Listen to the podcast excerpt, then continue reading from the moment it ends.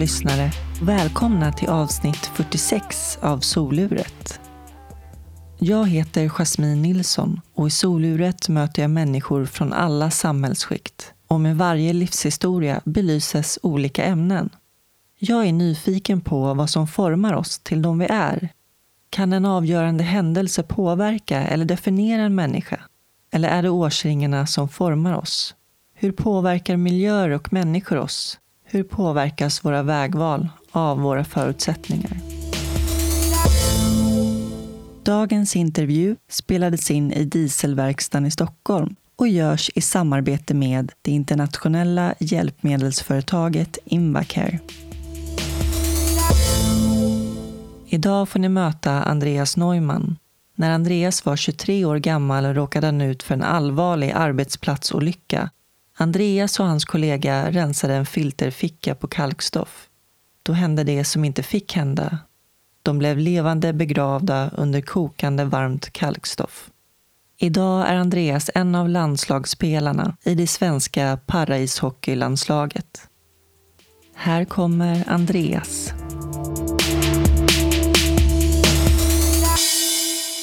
Ja, men jag tycker vi kör igång. Mm. Mm. Hur är läget? Läget är bra tycker jag. Ja, absolut. Välkommen till Soluret, Andreas. Tack så hemskt mycket. Var har du åkt ifrån? Jag har åkt ifrån Hofors, ligger i Gästrikland, mellan Gävle och Falun. En liten bruksort. Det är där du kommer ifrån? Ja, uppväxt där. En sån här riktig brukskille. Vad betyder det? En brukskille? Nej, men det är en speciell mentalitet på små bruksorter på gott och ont. Jag trivs jättebra. Men det, Vad är det för mentalitet? Mentalitet, ja. Det är svårt att förklara men har jag alltid varit på ett visst vis där och ska väl kanske alltid vara. Man ska inte sticka ut och vara på något annat vis och gärna gå i pappas och farfars fotspår. Och, ja, lite så. Alla känner alla? Alla känner alla, på gott och ont. Ja. Jag tycker att det är jättetrevligt. Kommer jag till Stockholm så kan jag, ja, men jag känner mig lite främmande. Jag är van att kunna heja på allt och alla. Hemma känner jag alla. Så här blir man lite, ja men det är lite främmande. Ja. ja. Men eh, du föddes den 3 februari 1984. Jajamensan. Då började turen i mitt härliga liv. Då brann huset ner. Va? Ja, när mamma åkte in på BB. Nej. Kom hem till en stor askhög och lite rök. Nej. Och jag tror att det var något elfel så Ja, hela huset brann ner. Oj, så det var verkligen dramatik när ja, du kom till dramatik. världen? Ja, det var en tuff start för allt och alla. Jag tror vi fick bo i husvagn de första veckorna. Två småbarn och mamma och pappa. Oj, vad tufft. Ja, det var lite kämpigt. Ja. Stora syra har du? Stora syra som är två år äldre. Men gud, ja, vilken historia. Ja, visst. Allting försvann?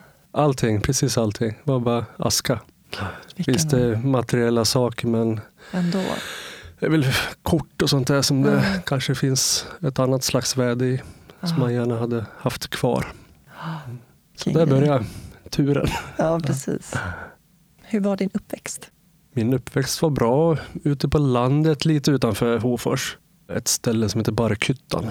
Uppväxt på landet, stort fint hus, enplansvilla med en liten sjö på tomten så man kunde bada och fiska. Mycket lek, kompisar i den här lilla byn. Så en bra uppväxt så. Mamma och pappa separerade när jag var fem. Mamma flyttade upp till Hofors. Så jag och syster min flyttade med. Det är tufft för barn mm. när mamma och pappa separerar. Vad hade du för intressen? Jag tyckte om att idrotta, spela fotboll, innebandy, lagsport. Det mm. tyckte jag om. Åkte även lite skidor. Så jag har alltid varit aktiv. Hur gick det i skolan? Ja, frågar mig så gick det väl bra kanske. frågar man någon annan så kanske man har en annan uppfattning. Nej men skolan var, jag har alltid fått till det så det är lättlärd. Men sen har jag alltid haft myror i byxorna. Svårt att sitta still och fokusera. Var väl klassens pajas. Nu får vi lite dricka här. Ja, trevligt. Hello. Tjena. Vill du ha kaffe? Ja, men jättegärna om det finns. Syrran hade förberett så bra här vet du, och så glömde det på parkeringen. Syrran? Ja, Jaha. stora syster. Ja, men perfekt. Syster Yster. Ja, ja. Var det här ditt kaffe från början så jag fick ta det? Eller? Säker? Ja, men tack så mycket. Då. Tack så mycket. Ja, det har hållit värmen bra. Vilket kalas. Eller hur? Ja. Ah, yes, det här är mitt första kaffe. Första kaffe. Ah. Ja, jag har nog hunnit med fyra koppar idag. Oj. Det var gott. Jag har slagit till med någon sån här dålig ovana att jag börjar med snabbkaffe. Nej, Jag också det är sån här- helt värdelöst. Ja, det är skitdåligt men nu tycker jag att det är smidigt. Jag har en sån här jätte... Tackar. Tack. Jag har en sån här jättefin kaffemaskin och alltså, har tyckt om den jättemycket och köpt Mm. fina bönor men nu köper jag snabbkaffe. Alltså, Och, eh, I och med att jag har en maskin Ja. och har fin kaffe Ja. hemma, då kan inte jag dricka snabbkaffe någon annanstans. Nej, men det kun- kunde inte jag heller förut. Men sen, ja, så vart det så. Okej. Japp. Klassens clown. Klassens clown. Ja, Mm. men det var, det var jag. Absolut. Utåtriktad och... Jag, jag själv tyckte väl att jag livade upp kanske. Men jag stödde nog ganska mycket också. okej. Mm. Kan det bero på någonting eller är det bara din Jag personlighet? har en ADHD-diagnos. Okej. Sen om den är rätt eller inte, det vet jag inte. Men myror i brallan, helt klart. Och Du ställer dig lite kritisk till det eller? Ja, jag vet inte. Tycker att det är så lätt att diagnostisera nu för tiden, absolut. Det kanske kan räcka med att mamma och pappa har separerat. Det kan kanske ligga till grund att man får myror i brallan. Behöver uppmärksamhet, Ja, men bekräftelse. precis. Ja, sen, ja, jag vet inte vad man kallar det. Mm. Det spelar ingen större roll. Men jag tror att många blir fel diagnostiserade. När fick du din? Jag fick min eh, diagnos i vuxen ålder. Okej. eh, När jag var, nu är jag 35, kanske 25 då. Ja. Ja. Och vad var det som gjorde att du kollade det då? Ja, det var väl i samband med olyckan under rehab och sånt. Jag fick även en liten syrebrist vid en sövning Mhm. som satte sig på den här kognitiva biten. Till exempel där inlärning och närminne sitter. Så när jag Okej. går ut härifrån idag så kommer jag inte veta vart jag har parkerat bilen. kommer jag få stå jobbigt. tills alla har åkt härifrån. Åh nej. Nej, men det- det var lite i samband med det. Sen var det väl lite som någon slags gottgörelse till mamma och pappa. För de har alltid gjort det de har kunnat i sin föräldraroll. Sen har det blivit tokigt för mig ändå i skolan. Mm. Och det har inte berott på att de har brustit i sitt föräldraansvar. Så det var ja, men både under rehab och som en liten gottgörelse för att de skulle få en liten annan förklaring. Intressant ändå. Ja, liksom att tänka på det sättet. Ja. Att det kan vara skönt för mina närstående att Jag få... har kommit dit liksom att jag, jag är ganska duktig på att rannsaka mig själv och sen hela tiden försöker jag fundera på vad jag kan göra och förhålla mig till saker och ting. Så eget ansvar är, det är jätteviktigt för mig i dagsläget. Mm. Att jag gör det jag kan.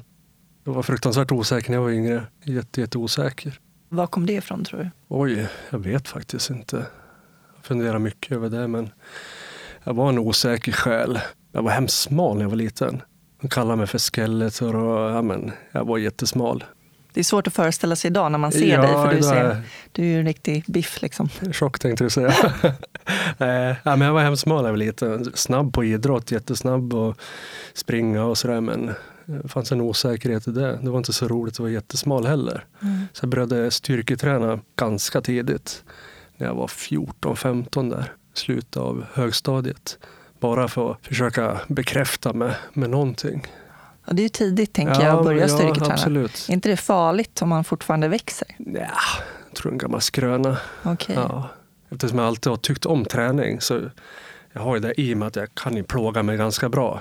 Man får ganska bra resultat när man är i tonåren. Hormonerna sprutar och, och genast var det någon som var där och klappade på axeln. Och man fick lite bekräftelse. Så det vart, vart väl min identitet och ganska tidigt. Att jag vart Mm. stor och stark. Jag känner igen mig där jag dansade ballett när ja. jag skadade mig.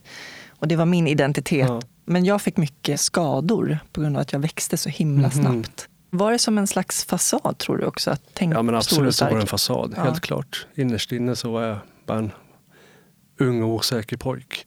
Ja. Som för min del när jag var liten, det var ju alltid man fick ju bekräftelse på något vis när man busade och stöka. Mm. Det var fast negativt då. Och det var väl bättre än ingenting då. Vad gick det för gymnasium? Jag gick barn och fritid. En jättebra linje som jag trivdes bra på. Tycker om barn. Gick väl inte ut med några flådiga betyg, men jag fick ett slutbetyg i alla fall. Vad hade du för drömmar som barn? Oj.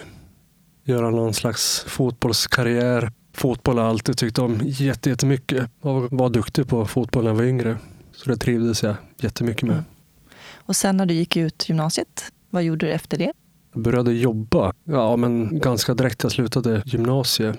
Jag jobbade på en skola med pojkar som behövde lite extra stöd. Sådana pojkar som hade myror i brallan precis som jag. Eh, var där fem år tror jag.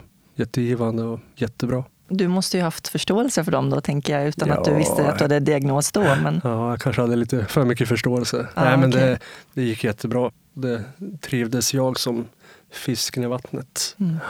Det känns som att du har gått den här banan, du gick gymnasiet och du började Ja, jobba tidigt. absolut. Och... hade väl en röd tråd som jag följde på något vis. Mm. Men sen 2007, Mm. då var du 23 år. Mm. Min identitet, stor och stark, rasades 2007 den 22 december när olyckan inträffade. Och då jobbade du på ett saneringsföretag. Och det var två dagar innan jul. Precis. Ja. Hade jobbat, tycker om att jobba. Alltså, jag var en riktig arbetsmaskin. Det kan jag säga med gott samvete. Tyckte om det jobbet. Fick jobba med kroppen och med bra folk och kunna tjäna lite extra pengar. Kan inte sticka under stolen med att jag tyckte pengar var lyckan när jag var yngre. Helt klart. En drivkraft. Ja, men lite så. Och jag hade jobbat ganska mycket där under en period och skulle kliva på julledighet.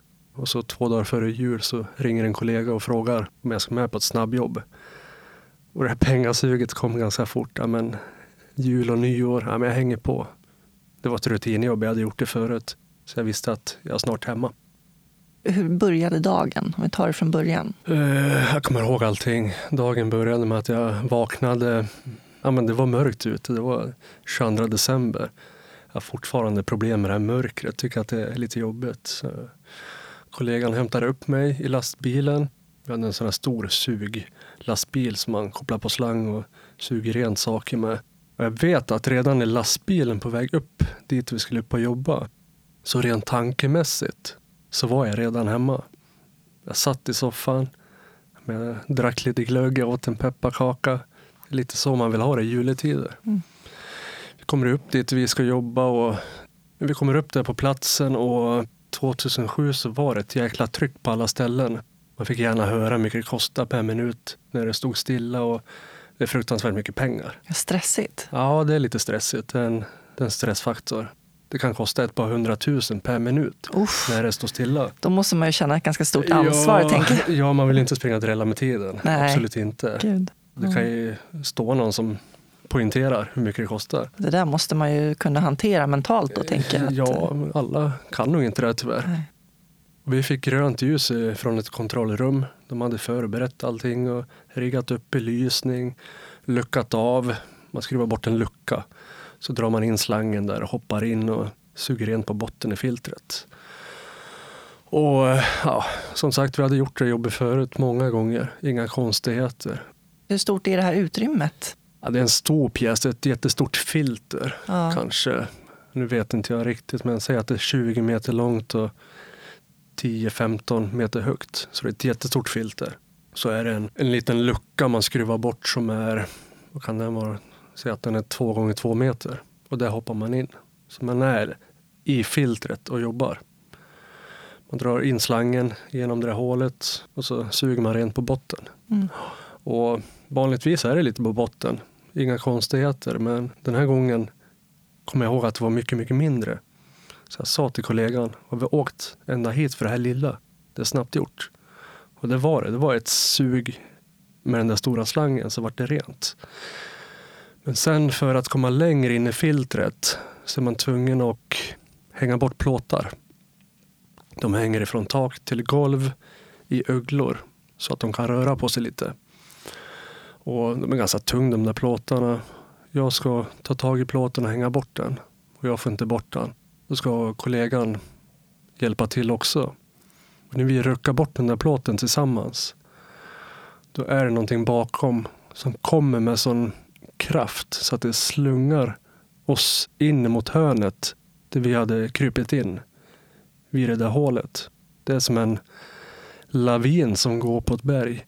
Det har man sett på tv. Det är en jättestor kraft i det som kommer. Så vi blir levande begravda i, i det där varma, varma materialet. Vad är det för material? stoft kallar man det. Det är, ja, vad ska man säga, det är en biprodukt ungefär. Man kan jämföra med, säga att det är som potatismjöl. Lent och fint och så ganska poröst. Så vi blir levande begravda och kollegan hamnar under mig. Jag hamnar över han i den där värmen. Alltså det är så svårt att föreställa ja. sig. Och det är ju kokande varmt. Det var jättevarmt. Eh, svårt att säga. Jag har inga exakta siffror på just värmen, men säg att det kanske var 300 grader varmt. Det var fruktansvärt varmt. Jag vet att jag kommer ihåg det så tydligt. För jag var van att känna mig stor och stark. Jag vägde 110 kilo muskler när jag åkte till jobbet. Kunna trycka 200 kilo bänkpressen. Hade aldrig gjort illa mig heller. Men jag kommer ihåg att när vi vart levande begravda så kände jag mig för första gången i mitt liv rädd på riktigt. Jag brukar säga att jag kände mig så rädd så jag kände mig som ett litet spädbarn som var inkastad i ett stort mörkt rum. Så liten kände jag mig. Och det var sån stor kontrast jämfört med jämt annars. Så det var, det var en hemsk situation smärtan förstår jag ju väldigt svår att beskriva. Alltså, ja, det måste ju vara bortom allt annat. Faktiskt. Jag trodde aldrig en människa kunde uppnå en sån smärta som det där var. Jag trodde att man, när man pratar smärta så 1 till 10, 10 är värst. Men det där var så mycket, mycket mer. Vi hade arbetskläder på oss. Och arbetskläder står pall för ganska mycket. Man kände att arbetskläderna började smälta. Då förstod man på riktigt att det var skarpt läge. Eh, det var som att ligga i en kokande gryta. Jag blir, jag blir alltid torr i munnen när jag Tyck. berättar om hur ont det gjorde. Jag passar på att ta lite också. Mm. Jag önskar så här efterhand att jag hade svimmat av. Så att jag inte hade kommit ihåg hur ont det gjorde. För det, det är ett vidrigt minne som sitter fast etsat i skallen. Smärtminne. Smärtminne, precis. Och din kollega där som låg under mm. dig, fick han luft? Han fick luft. Han, hade, uh, han hamnade lite bättre på något vis. Men han hade huvudet framme och han hade även armarna framme. Så han låg hela tiden och försökte få bort det materialet ifrån mitt ansikte.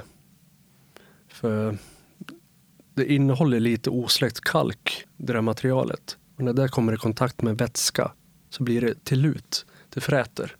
Så det är inget bra att få i sig varken i mun eller ögon. Så han låg hela tiden och liksom... Så han kunde göra det trots att han själv var i så svår Absolut. smärta? Ja. Så kunde han tänka så långt? Ja, precis. Det är ju helt otroligt vilken ja. överlevnadsinstinkt människan har. Ja. Liksom. Sen klarade han sig lite lindrigare också för mm. jag täckte han ganska bra när jag låg över han. Okay. Så jag tog väl det mesta, mm. på gott och ont. Jag fick fram mina armar jag också. Okay. Och jag fick tag i den här ingången där vi hade krypit in. Det där hålet. Och jag kände att härligt, nu kommer jag kunna dra mig lös. Jag börjar dra, jag känner att jag rubbar mig inte en millimeter. Jag rör mig inte ur fläcken. Och jag kände att nu hänger det på mig. Och jag tittar på kollegan och jag ser skräcken i hans ögon. Och jag ligger över han. Och jag vet att jag måste kunna dra mig ur, annars kommer inte han komma ut heller. Jag tar i allt vad jag kan men det händer ingenting. Alltså, sitter fast helt enkelt. Det är som att ha en tyngd på fötterna och så är man nedkastad i havet. Jag känner att jag sitter fast på botten. Det går en skruv på botten. Jag tror att jag hade kilat fast mina ben eller fötter under den. Så det var det som gjorde att jag inte tog mig loss. Men som tur är som jag kommer ihåg det så är det, det är två andra killar som är och gör ett annat jobb längre bort. Något svetsjobb. En av dem springer iväg och larmar 112 och en kille kommer dit till platsen. Och han som kommer dit, och, han tar tag i mina armar och han börjar dra allt vad han kan. Han drar så hårt så han, det känns som att han ska dra av armarna vid axlarna. Han håller på att kämpa det jättelänge. Men han lyckas inte dra mig lös heller. Och jag vet inte hur länge han håller på och drar i armarna men, men man kände att arbetskläderna hade gjort sitt och nu börjar det smälta på kroppen. Eh, det rinner kött och skinn utav kroppen. Det är som att ligga i en kokande gryta. Och det gjorde så fruktansvärt ont där. Så jag tog ett beslut i mig som jag inte trodde jag hade i mig som 23-åring faktiskt. Jag skäms när jag säger det. För jag trodde att jag var en sån där som kämpar på tills sista andetaget var taget. Det gjorde så fruktansvärt ont att ligga och smälta bort det i värmen. Så jag tog ett beslut att jag lär försöka somna in. Jag lär försöka dö för att slippa den här smärtan.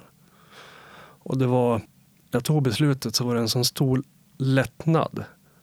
Jag ryser när jag tänker på det. Och det var, det var också som på film, någonting ljust som öppnas uppåt. Jag, jag får gåshud. Och jag skulle få slippa smärtan. Och samtidigt säger jag åt den där killen som drar i armarna att nu vill jag försöka somna in och du får hälsa till familjen att jag älskar dem. Då får han magiska krafter och bara skriker. Nu jävla ska du ut. Han hade dra dragit hårt tidigare, men nu drog han tio gånger så hårt. Och på något vis så lyckas han dra mig lös i alla fall. Och när jag kommer lös så kommer även kollegan lös. Man, man håller sig vaken på rent adrenalin. Det var ingen vacker syn att titta på arbetskläderna.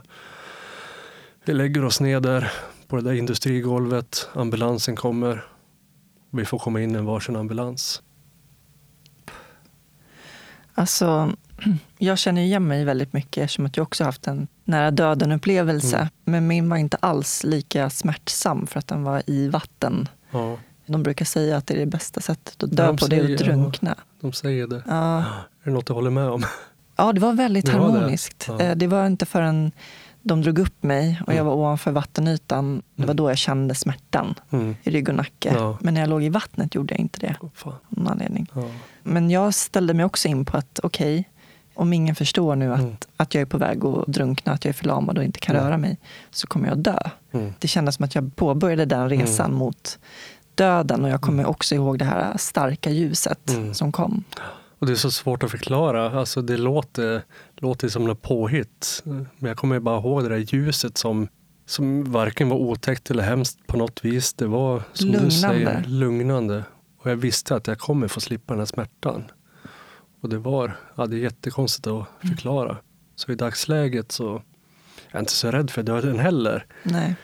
Jag är nog mer rädd att känna den där kanske maktlösheten som jag kände. Och ligga den där smärtan och inte kunna rå på det. Den är jag mer rädd för, den här ja. maktlösheten.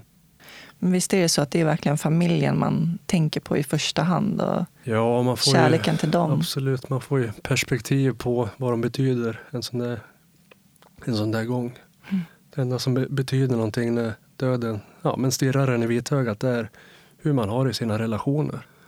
Det betyder inte den här bättre lönen i januari någonting eller de här materiella sakerna någonting. Så jag är ganska noga dagsläget med att vara med mina nära och kära. Se även till att ha det ganska uppstädat. Jag vill inte missa att ha sagt någonting till min syster eller till min mamma och pappa. Det är mm. viktiga bitar för mig. Mm. När du låg där och eh, tänkte på det, att du, mm. du ville att de skulle säga till dina nära och kära att du älskar dem och så mm. vidare. Var det någonting du kände att du ångrade? Jag ångrar väl att jag sagt det för lite. Det med mina nära och kära som för många andra kanske har jag tagit dem för givet. De kommer alltid finnas där, får man för sig. Men det är bara en tidsfråga innan det, det är sista gången som vi får se dem. Om det är om 25 år eller om fem timmar, det vet vi inte. Men till slut så har de dragit upp dig. Ja. Vad kommer du ihåg av den resan till sjukhuset? Det var, det var inte en så lång väg in till akuten med ambulansen. Men det var rena tortyren att ligga i ambulansen. För varenda litet gupp de åkte över gjorde fruktansvärt ont. Men de gav dig smärtstillande i alla fall? Nej, jag bönabad om smärtlindring. Men de vågade inte ge mig någon smärtlindring. Vad konstigt. Ja, och jag hade fått i mig mycket i munnen också i, och i ögonen. Och jag kände att det, det fräter i ögonen, det fräter i munnen. Alltså. Och jag bönabad om att de skulle spola munnen och ögonen. Men de vågade inte göra det. Av vilken det, anledning då? Va? Ja, anledning, det vet jag faktiskt inte. Men det var lite ovisst vad som hade hänt. Om vi hade klämt oss eller om vi hade bränt oss. Det var lite luddigt vad det var för slags material vi hade fått på oss. Ett tag får jag för mig att de tänkte kasta oss i nödduscharna. Det finns nödduschar på industrier. Just. Det hade blivit bra med det materialet som blir till lut när det kommer i kontakt med vätska, är jag tveksam till. Så det var, det var lite luddigt och stressigt. Men det gjorde ont i ambulansen in till akuten i alla fall. För du fick inga smärtstillande? Alltså det... Jag var väl täckt av sånt där material över hela kroppen. Ja. Men sen när jag kommer in på akuten i alla fall så blir jag upplagd på ja, men, deras sprits. Personalen kommer fram och ska klippa bort resterna av arbetskläderna. De drar bort arbetskläderna. Då blir jag ungefär flodd från neråt. Ja. Då tror jag chocken lägger sig. För då börjar jag blöda jättemycket. Det rinner blod ut ifrån ja, halva kroppen. Var det bra då, att de gjorde det? Ja, de lär ju få bort arbetskläderna för att se hur pass skadad jag var, antar jag. Sen kanske de inte trodde att jag skulle bli flodd från bröstet neråt. Men jag blöder jättemycket när jag ligger där. Det är också så helt otroligt. Jag blödde inte tidigare, men när jag kom och fick riktig hjälp, då började jag blöda. Så kroppen är helt fantastisk på det viset. Oh. Sen började de tillsätta nytt blod. Påse efter påse, påse efter påse. Jag vet att de tömde hela lasarettet på blodpåsar. Så det var många liter som försvann ut på golvet. Aldrig sett så mycket blod. Sen när blodet var slut så hör jag att de har ett, ja, något slags krismöte och står och dividerar om de ska söva mig. Jag hör att någon säger att ni behöver inte söva han för han kommer vara borta inom tio minuter. Jag vet att jag tänkte, det här är inte bra. Två dagar före jul. Det kanske blir kryckor över jul. Jag kan inte förstå innebörden av det som hade hänt. Nej. Men som tur är har Akademiska skickat en helikopter. Och när helikoptern kommer så tack och lov söver de mig och där blir det svart och jag transporteras till Akademiska. Alltså. Ja, en sån där skitdag på jobbet. Minst sagt. Alltså bara den här resan tänker jag med ambulansen och inte har fått ja. några smärtstillande och är helt sönderfräst på kroppen. Ja, totalt. Ja, det, var, det var vidrigt. Jag önskar ju så här efterhand att oh, tänk om man hade kunnat tuppat av. Sluppit ja, liksom precis. alla ja, de här minnena. Att du inte gjorde det. Det är helt ja, otroligt. Det är helt otroligt. Håller sig vaken på förmodligen rent, rent adrenalin. Ja. Konstigt nog. Det är helt ofattbart. Ja. Det är där med den där överlevnadsinstinkten. Ja, ja antagligen. Mm. Och de ringer till dina närstående? Ja, min chef då, han, han har fått vetskapen om, av att jag och en kollega har skadat oss. Han kommer in med bilen vid akuten där. Han ser att helikoptern lyfter. Då får han, han får ringa till min mamma och berätta att din son har skadat sig jättemycket. Han transporteras i helikopter till Akademiska så du lär åka dit. Och de vet inte om han kommer överleva transporten. Så den där stackars mamman och resterande delar av familjen fick ju sätta sig i bilen med den där hemska ovissheten. Och inte veta om jag skulle överleva eller inte. Ganska hemskt. För min del ganska lugnt och skönt. Jag, mm. jag var nedsövd, jag kände ingenting men för dem så var det ett rent helvete. Du var nedsövd fem till sex veckor? Fem till sex veckor. Låg och svävade mellan liv och död. Det var bara kritiskt under fem, sex veckor. Och hudtransplantationer? Och... Ja, och kritiska operationer. Mamma fick i alla fall två samtal från operationen där de ringde och berättade att nu går det inte vägen. Du får komma hit och säga adjö så får vi stänga av respiratorn. Men på något vis när mamma kom så vart det stabilt tror jag behövde mamma. Ja, det där är ju också helt otroligt hur, ja. Eh, hur medveten man är ändå. Ja, på något vis. Jag kommer ihåg, jag låg och hallucinerade alltså jättelänge. Jag kommer ihåg allting som jag, jag men, har drömt. Drömmar och verklighet flöt ja. ihop. Jag kommer ihåg mamma och mm. liksom mm. pappa. Och, så de var ju med på något vis fast ändå inte. Ja. Jätteluddigt. Jag känner igen det där. Ja. Jag fick för mig att jag var på en Ålandsbåt där och hade en sån här luftsäng som gick fram och tillbaka. Jag kommer ihåg att jag drömde om julen och ja, det var jättemycket tok. Jättehemskt. Mm. Vet du, ja, bland det värre, det var ju att det här var ju två dagar före jul. Så förmodligen vid juletiderna där så låg jag hallucinerade om att pappa kom förbi med en sån här, några gamla hästar och en sån här gammal vagn man åkte på med facklor och grejer. Och vi åkte med, det var jättemysigt. Ja. Så kommer vi hem, farsan tar fram sin bussa. Så tittade han på mig och min syster som sitter vid granen. Nu vill jag bara önska god jul. Så skjuter han skallen av sig. ja, det, det var hemskt vet du. Det var, Brutalt. ja, det var riktigt brutalt. Fasiken alltså. Sen hallucinerade jag mycket att jag var på sjukhus och det var läkare. Och, ja, men det flöt ihop drömmar ver- verkligen. Fick för mig att det var en stor orm i taket. Alltså en jättestor orm. Samma orm som Robin Hood, en sån här serväs. Så kringlade han sig så här. Sen bara tittade han på mig. Sen bara högg han mig i bakhuvudet. Alltså jätteotäckt. Stora vassa tänder. Sen när jag började kvickna till det kände jag så här i bakhuvudet. Jävlar, har ju ett sår i bakhuvudet. Och ju på riktigt med den där ormen. Så var det något där jävla liggsår. Det var, det var bara tok. Det tog ju lång tid innan jag kvicknade till. Mm.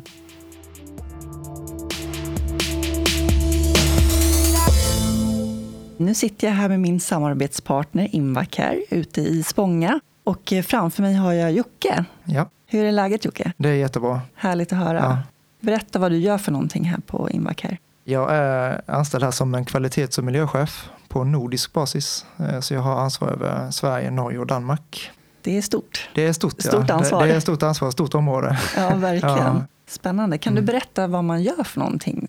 Kvalitet, det är ett eh, ledningssystem man har att rätta sig efter med rutiner och processer och instruktioner. Då. Vi är ju certifierade enligt en standard som heter 13485 som är eh, speciellt anpassad för medicinstekniska produkter. Och den trycker mycket på att det är säkra produkter vi levererar och det är väldigt mycket högt risktänk kring allting man gör. Så det är någonting som är på daglig basis det här med risktänkande. Då. Okej. Mm. Är det vanligt förekommande att det brister?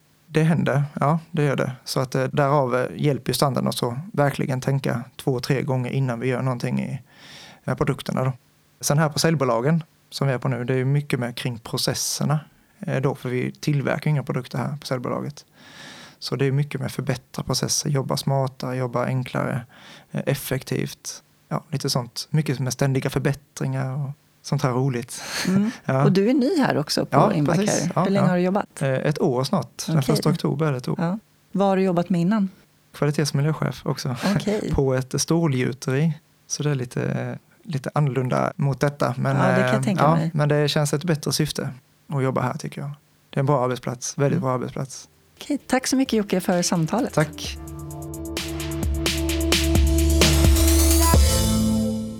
Hur gick tankarna då när du började komma tillbaks till verkligheten? Ja, till en början så när man vaknar till och förstår att man är på sjukhus och har överlevt. De första tankarna är liksom att man är tacksam och lycklig. Jag hade överlevt. Visste jag att det hade varit. Kommer du ihåg vad som hade hänt? Ja, jag kommer ihåg allting. Och ja, men, tacksam och lycklig till en början. Liksom. Kände jag även att det var någonting med benen. De tog bort täck och visade att behövt amputerat benet. Jaha, han hade tagit bort benet. Förstod inte innebörden av det. Förmodligen var jag ganska medicinerad också. Kände att jag gått ner mycket i vikt också. Fick titta med en spegel. När jag åkte till jobbet vägde jag 110 kilo. Nu vägde jag 45. Jag hade gått ner 65 kilo. Det var jättesvårt att ta in att jag som hade varit så pass utseendefixerad och tränat två gånger per dag vägde nu 45 kilo. Ser ut som en liten farbror. Inte samma person. Nej, det var, det var inte jag. Jag har sett bilder. Ja, men jag eh, ser för jävligt. Ja, men det är jättekonstigt. En sån rejäl djupdykning. Rent mentalt också. Ja, verkligen. Men återigen så, ja, tacksam och lycklig till en början. Trots allt. Trots Mm. allt. Mm. Precis. När tog du in det? När förstod du att du hade blivit av med Mm. benet? Oj. Jag låg, jag låg ganska länge på intensiven, ett halvår. Ja, det är ju Ja, det väldigt ja. lång tid för att ligga på intensiven. Ja, jag brukar förklara för folk, ni vet när man har influensan och ligger två, tre dagar i sängen så börjar det bli träligt. Men ligga ner över 150 dagar var, det var ett rent helvete att ligga ner. För jag var så dålig så jag kunde inte lyfta huvudet ens. Efter ett halvår på intensiven i Uppsala så kom jag till sjukhuset i Gävle. Då kom jag upp i en rullstol och sådär och då bör- började jag liksom landa in lite. Vad är det som har hänt egentligen? Och förmodligen så började de väl trappa ur medicinerna lite också. Och jag vet, jag vet, jag, det var jättejobbigt för jag hade överlevt en stor olycka. Alla gör inte det. Och på något vis ska man vara tacksam och lycklig. Men innerst inne bara skrek det i mig. Tänk hur livet har blivit. Jag är 23 år, jag sitter i den här rullstolen, 45 kilo, totalt sönderbränd och benet är borta. Jag var fruktansvärt missnöjd med tillvaron, men jag hade inte mage att gnälla. Jag är ingen gnällspik från början heller. Men jag hade, jag hade inte mage att säga att jag var missnöjd med tillvaron. Så det var Nej. jättejobbigt att hålla den där fasaden. Och jag tror att det är många som gör det, för man vill inte Ja. göra sina närstående ledsna heller. Man Nej. försöker hålla upp en fasad för Absolut. deras skull. Helt klart. Man känner att man redan har orsakat så mycket lidande att man Ja. inte, även fast det inte kanske var ens fel eller Nej, så, att man precis. ändå ja, försöker hålla upp fasaden för dem. Ja. Ja, det var ju elände nog så att det räckte tyckte jag. Mm. Ja. Men det landade in senare när verkligheten Precis. kom i kappen. Och det är det som är så farligt, för att då blir det att man inte bearbetar från början, Mm. eh, vilket jag Mm. tror att de flesta behöver. Och där tycker jag att det är brist i, i vården, att man glömmer bort den själsliga biten. Den är väl nästan den viktigaste. Precis. Var för min del i alla fall. Ja. För mig har det varit ungefär vad ska jag säga, tre faser. Men första fasen när man är tacksam och lycklig. Sen när man kommer hem och den här mittenfasen när verkligheten börjar komma ikapp en och man börjar, börjar reflektera. Vad fan är det som har hänt liksom? Den här smällen när man Ja. kommer hem första gången. Ja, det här vart ju inget bra liksom. Sen tredje fasen när man kanske ska acceptera och göra någonting bra utav det också. Den är inte så lätt. Den var värst för mig. Den tog sex år kanske. Acceptera att jag var i en kropp som inte ser så rolig ut och att jag är begränsad. Jag försökte fly ifrån det i ungefär sex års tid. Och det vart ju jobbigt på jättemånga vis. På vilket sätt försökte du fly? Jag hade, jag hade sällan shorts på mig och försökte göra allting som jag gjort förut och stånga med blod. Visst, jag har stark vilja, men, ja, men försökte glömma bort att jag... Förtränga? Men, ja, förtränga liksom. Det, det kommer i kappen hela tiden och så är man där och trycker bort det, men det kommer och ploppar upp. Så det var ju, var ju bara en ständig kamp liksom, Mm. Under sex års tid. Plus jag tänker också omgivningen. Ja. Det är ju vanligt med det här, du som är så stark och det här, det här Ja, fixar du ja. Andreas. Kämpa Absolut. på, du ska ur den där rullstolen, lalala. Alltså, Ja, jag kommer ihåg alla jag Mm. träffade var ju fram och klappade en på axeln. Förstår du vilken tur jag haft? Och det hade jag haft också. Och jag sa till alla liksom hur jävla glad och tacksam jag var. Ja. Och så bara skrek det i mig. Ja. Och så dubbelt i mig. Usch, det var jättejobbigt. Ja. Jo, men det, det kommer jag också ihåg att det Ja. var så att eh, ja, du tränar väl så att du Ja, kommer ja, igång. ja. Liksom, jag menar, har man en ryggmärgsskada kan man ju inte Precis, träna så nerverna läker, utan det är ganska definitivt. Så Ja, det, sen har jag alltid varit duktig på att hålla fasad. Även fast jag har mått dåligt så har jag liksom alltid dragit Mm. på mig ett smile och säger till allt och alla att jag mår bra. Och det, jag brukar säga att i dagsläget så är det ett stort handikapp att jag ser pigg och fräsch ut. Jag har ju dagar som är sämre också Mm. och det är mycket elände fortfarande. Mm. alltså, visst, allting är ju relativt. Absolut. Men när man ligger där och ens liv har slagits i spillror Mm. så mår man inte bättre av att höra att man hade tur. För Nej. att man hade allt annat än tur egentligen. Absolut. På ett ja, sätt. Ja. För att allt är ju relativt. Man hade en jävla otur. Man hamnade i rullstol och man vart av med benet. Det, det är ju var- skit, liksom. Ja men, det var, ja men det var ett helvete. Det kan jag, jag har lärt mig i dagsläget när folk frågar mig hur fan är läget? Ja men det är åt helvete. Ja men det är det. Fan, blir av med, blir av med benen liksom. Ja. skitont. Mm. Sen är det, det är mycket som är bra men Mm. det har, har varit ett rent helvete. Ja. Ja. Och är fortfarande. Kommer vara livet ut. Ja, det är bara hur man ska lära sig Ja. att leva med det. Sen för mig har det handlat mycket om att jag liksom blivit så illa tvungen att vrida hjärnan så här 180 grader. Ja, men finns det någonting positivt i allt elände? Ja, men Mm. det finns det faktiskt. Och det försöker jag fokusera på. Mm.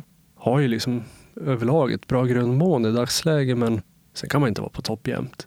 Det skulle se ut. Men jag tillåter mig själv att ha lite sämre dagar men sen vet jag att det, efter regn kommer solsken. Det blir Mm. bättre dagar framöver också. Mm.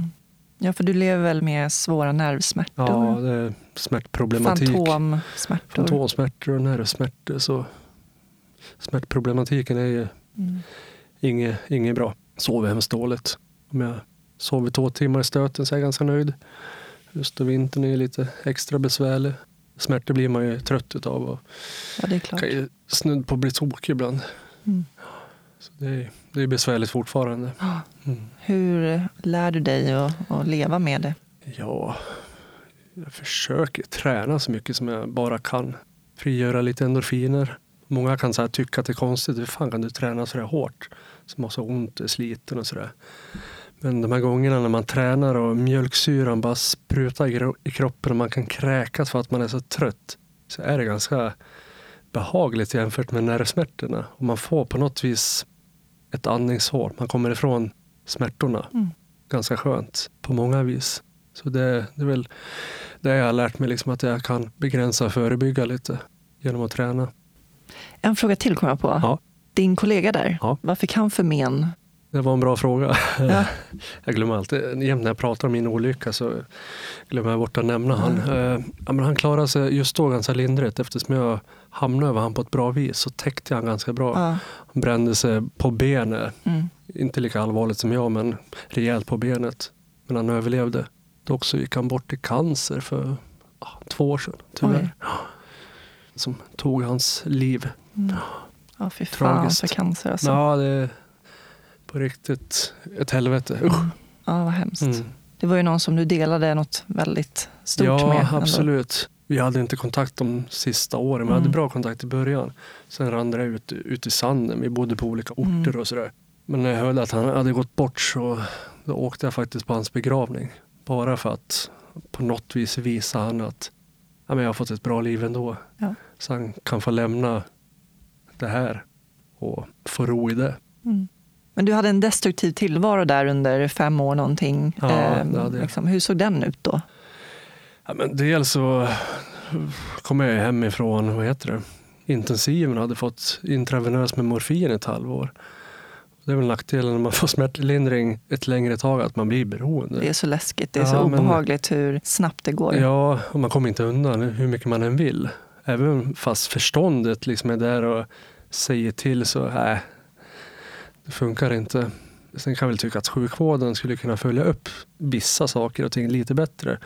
Men hemskickad med liksom en påse mediciner och ja, men, nu får du klara dig själv lite grann. Så kommer verkligheten i kappen mm. när det börjar bli jobbigt. Så vart väl i stort sett uh, ljuspunkten och försöka äta så mycket smärtlindring som möjligt för att fly ifrån verkligheten. Ja. Och det är ganska smidigt att bara kunna öppna munnen och svälja. Så kommer man ifrån verkligheten. Sen, det blir ingen bra längden, absolut inte. Så vart det destruktivt på det viset. Jag började till och med få självmordstankar. Jag hade aldrig haft. Och jag har alltid haft så starka åsikter om självmord. Att man har socialt ansvar gentemot sina nära och kära. Men ja, jag vet att jag försvarar mig med att ja, men tiden läker alla sår. Tänk mig att ta, ta livet av mig. Skulle jag slippa allt det eländet. Vad smidigt det skulle vara. Men sen hade jag inte modet att agera. Så det var, det var destruktivt på många vis. Mm. Men sen vände livet? Sen vände livet. Efter den kom solsken som sagt. Men det var ett jävla åskväder. Ja. Uh, uppförsbacke i som sagt fem, sex år. Sen började det plana ut lite. Sen började det till och med bli lite nedförsbacke också. Helt mm. underbart. Mm. Absolut. Vad var det till en början som gjorde att det liksom, du började se någon slags ljusning? Ja, det var väl när jag accepterade att jag var som jag var. Började acceptera att Andreas är förändrad, Andreas är begränsad. Eh, då vart livet helt plötsligt mycket enklare när jag började leva som den jag var. Jag flydde inte ifrån den jag var. Och vem var det? Ja, men det var ju den här sönderbrända Andreas med ett ben, men en jävligt hygglig kille. Och det kände jag väl att ja, men det, det räcker. Jag behöver inte vara så mycket mer än schysst. Det, det räcker långt liksom. Så det är väl min identitet i dagsläget att jag, är en, en hygglig kille liksom och det, det räcker så. Ja, vilket känns fantastiskt. Helt underbart. Och sen fick du en son? Sen fick jag en son, en liten gudagåva. Från att ha brottats med döden och vunnit en sån kamp och komma tillbaka och även föröka sig är, ja, det är, det är magiskt på många vis. Så jag har en liten gudagåva, en Melker, som fyller nio. Jag var ganska nyskadad, tyckte jag då när jag fick han. Jag, man kanske hade gått tre år. Så jag var ju långt ifrån redo att skaffa barn. Men jag tror jag behövde det på något vis också. Mm. För då vart jag så illa tvungen att kliva i och bara fortsätta kämpa. Mm. Är du ensamstående med honom? Ensamstående. Hans mamma fick en förlossningspsykos. Hemskt nog. Så jag har varit ensam med honom när han var tre månader. Lite ovanligt. Så Tufft ensam- också som nyskadad. Ja, fy fan. Det var ett helvete på många Ja, vis. Nyskadad. Jag hade fullt sjå med mig själv. Men så efterhand så behövde jag nog det också. Jag tänker också den svåra smärtan som Ja. du lever med. Och samtidigt då att ta hand om det lilla livet. Föräldraskapet har jag liksom alltid kunnat skött. För att jag kanske är duktig på att hålla den här fasaden. Och jag har alltid varit en duktig pappa och han har alltid kommit i första hand. Sen har har man liksom växt i det där mer och mer. Det har ju varit en process och varit successivt. Mm. Men absolut så var det tufft på många vis. Men man fixar ju mer än vad man tror. Mm. Alltså man går ju på någon slags energi som inte finns. För att man är så illa tvungen. Är ett liv, ett barn det handlar om. Ett oskyldigt barn som har kommit till världen. Som hamnar på mig att jag ska se till så han får det bra. Så det är klart man fixar det. Man får magiska krafter i stundens hetta. Det här med arbetsplatsolyckor, Mm. det har ju ökat har jag förstått Mm. det som de senaste åren. Kan du ställa dig kritisk till att det hände?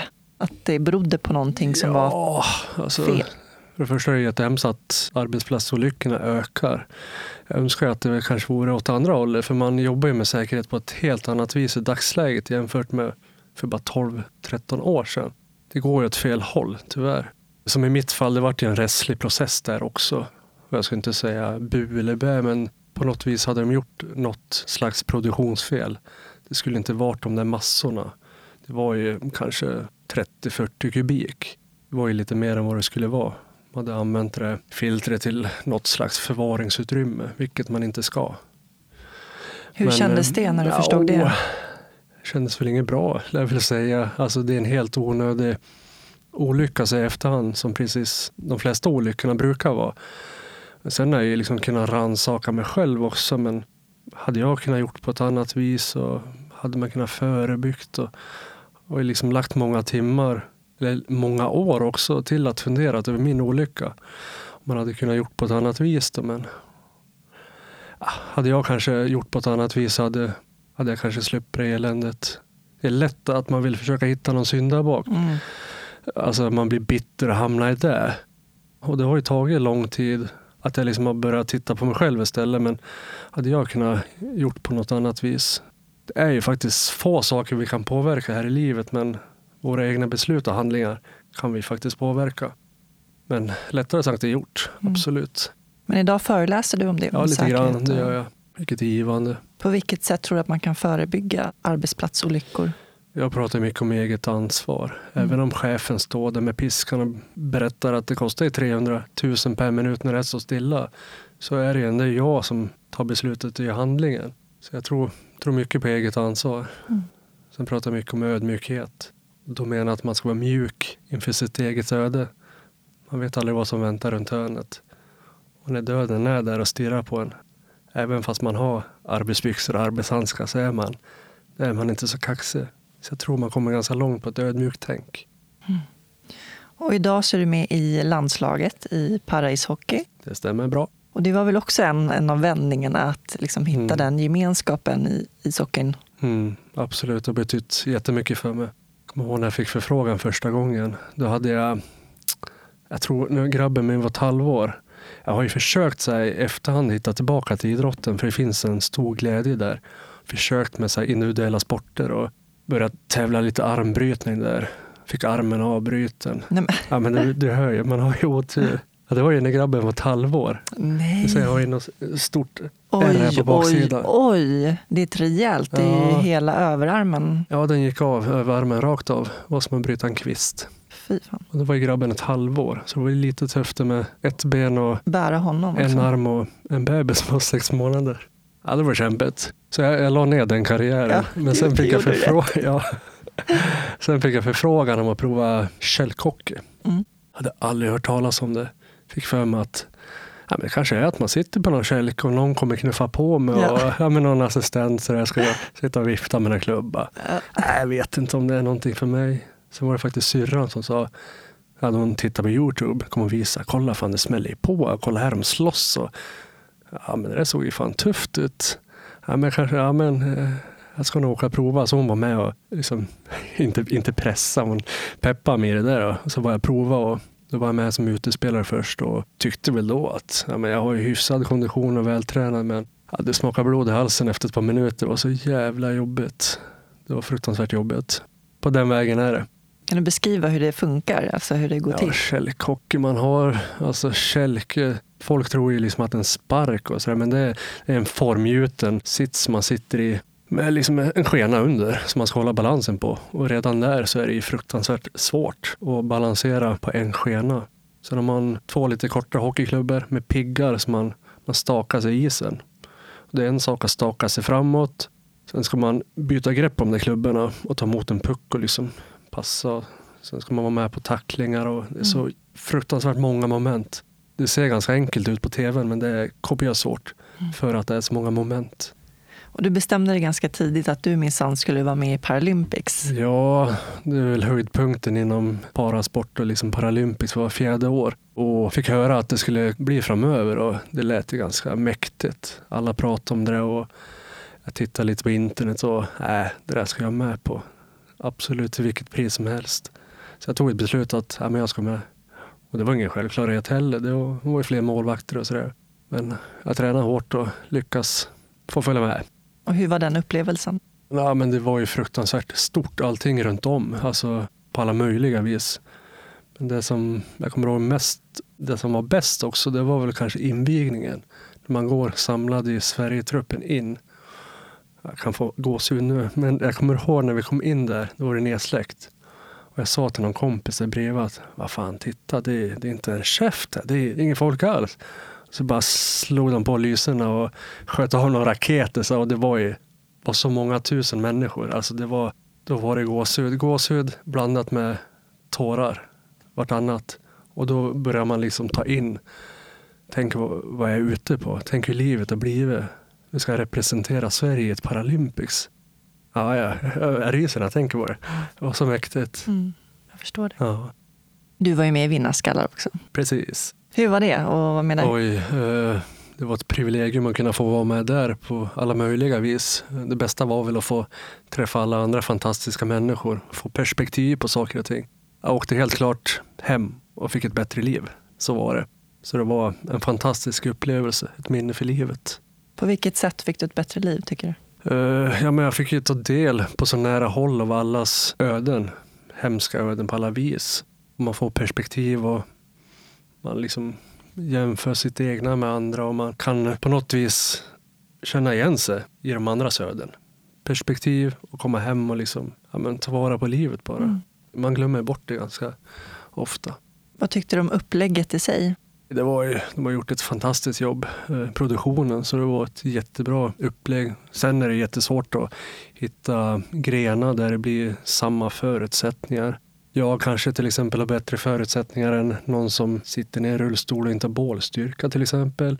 Många hemma i sofforna kanske inte tänker så, ja. men vissa har sämre och bättre handikapp. Ja. Jag som är underbensamputerad just då var en, en lyxskada jämfört med Niklas. Vad har du fått för respons? Jag har bara fått bra respons. Det är ett sånt unikt koncept. Dels tävlingar är jättespännande att titta på. Mm. Sen eh, folk med olika handikapp, det blir, blir på ett speciellt vis. Men det som var bäst, det var väl allas öden. Att folk fick ta del av det. Ja. Och sen fick vi en bra möjlighet att lyfta parasporten, marknadsföra den. Precis. Mm. Så enbart bra respons. Härligt. Okej, men vad känner du? Ska vi eh, köra standardfrågorna? Shoot. Vad innebär det för dig att vara människa?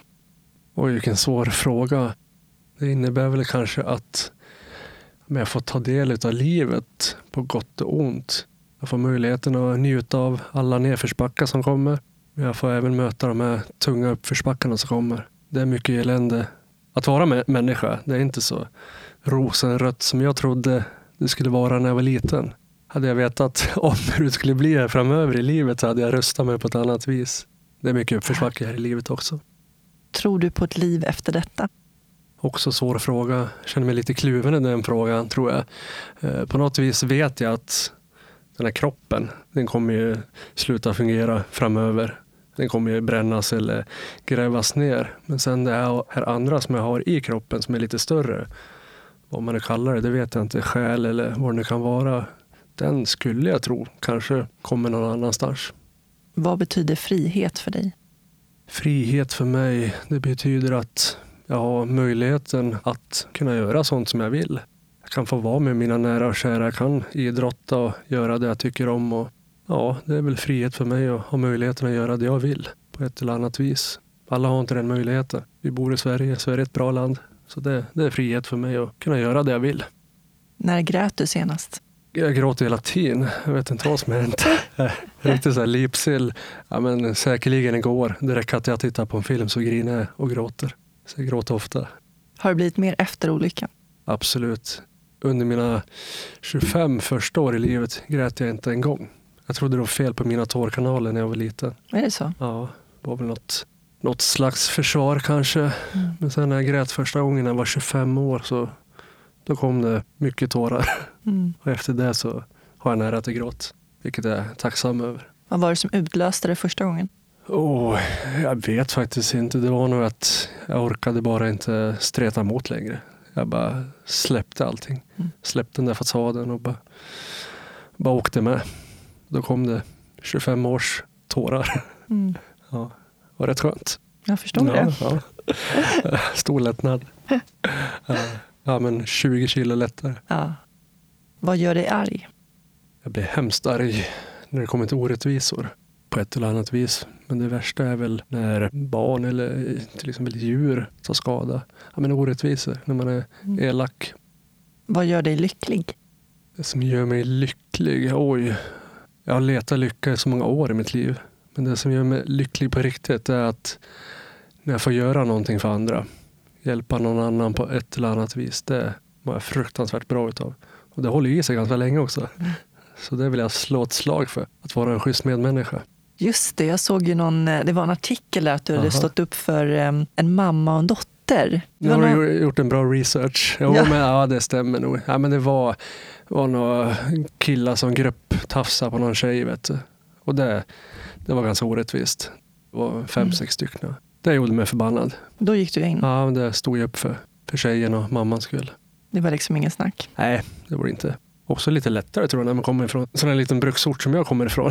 ja, men jag vet inte, jag tror det. Civilkurage. Ja, civilkurage, helt klart. Bra Ja. skit.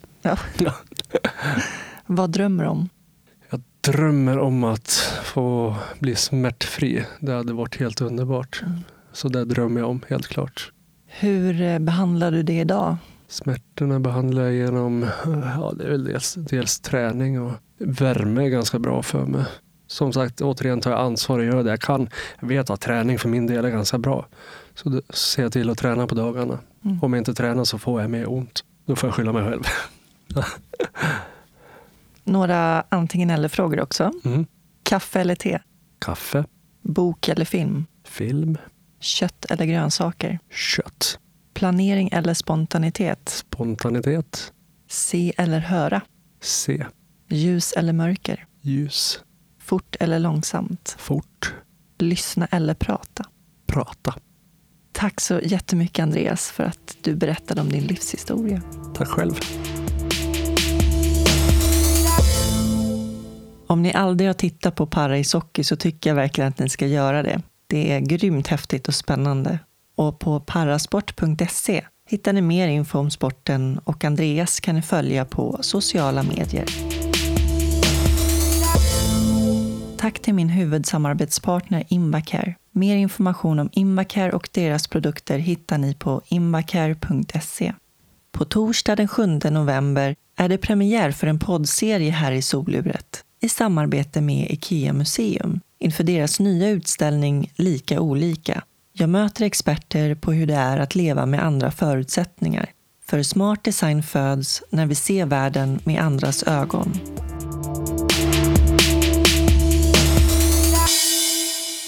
I nästa avsnitt får ni möta Stella Scott.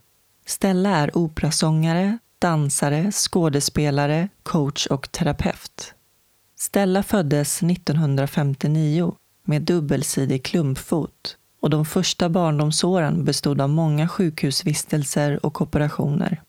I 20-årsåldern startade Stella ett danskompani och turnerade runt i Norden under sex år. Idag är hon en eftertraktad coach som stärker framgångsrika kvinnor i deras ledarroller. Tack så mycket för att ni lyssnade och ta hand om varandra där ute. Puss och kram. Hej då!